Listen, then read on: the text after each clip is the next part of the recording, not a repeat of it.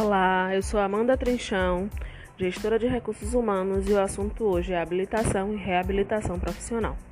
Reabilitação profissional é assistência educativa ou reeducativa de adaptação ou readaptação profissional que visa proporcionar aos beneficiários incapacitados parcial totalmente para o trabalho, em caráter obrigatório independente de carência, os meios indicados para o reingresso no mercado de trabalho e no contexto em que vivem. Regido pelo artigo 89 da Lei 8.213-91 e o artigo 136 do Decreto 3.048-99. Entende-se por habilitação a ação de capacitar o indivíduo para o desenvolvimento das suas atividades laborais, observando as aptidões, interesses e experiências. Esse programa, ele, ele teve ele foi julgado como ineficaz, né? Pois não tinham muitos investimentos e nem espaço nas empresas. Mas isso mesmo com passos lentos vem sendo alterado a partir da lei de cotas, né, que reserva a partir de 2% para empresas que têm acima de 100 funcionários de vagas para pessoas com deficiência ou reabilitadas. Esse processo é lucrativo, né? Pois a empresa, por sua vez, recebe um colaborador capacitado e o colaborador tem sua estima elevada. Porém, ainda é muito difícil encontrarmos pessoas com deficiência ou reabilitadas em cargos de liderança, né? É, isso é fácil ser comprovado, só basta a gente fazer aquele exame do pescoço, né? Quantas pessoas com deficiência você já trabalhou? E aí a gente observa também quantas pessoas com deficiência já, você já teve como líder, como gerente, como coordenador. Isso é bem fácil de identificar, mas é, é esperançoso, né? Isso vem, esse cenário vem mudando. Agora vamos entender um pouco mais sobre as etapas da reabilitação profissional.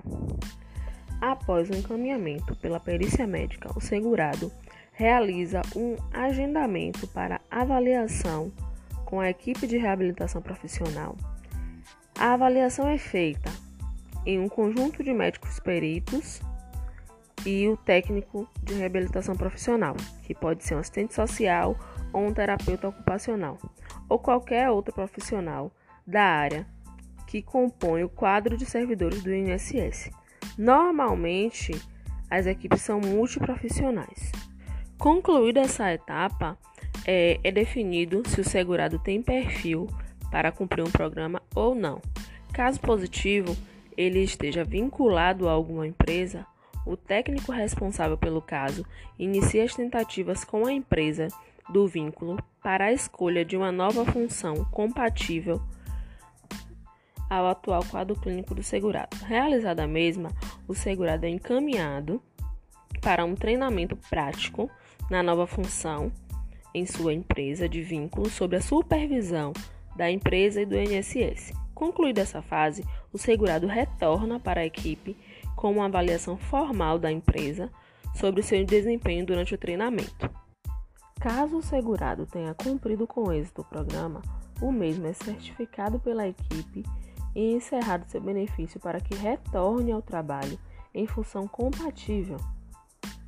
A partir desse momento, o mesmo passa a fazer parte da lei de cotas.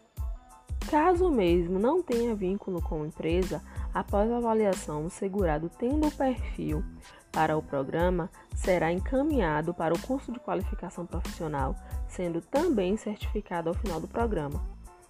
A, é, a UNSS não tem obrigatoriedade em encontrar uma vaga para o segurado. Espero ter ajudado vocês. É, vamos ter um olhar mais empático para as pessoas e tornar o mercado de trabalho e a nossa vida mais diversas, aprendendo e ajudando a conviver com todos.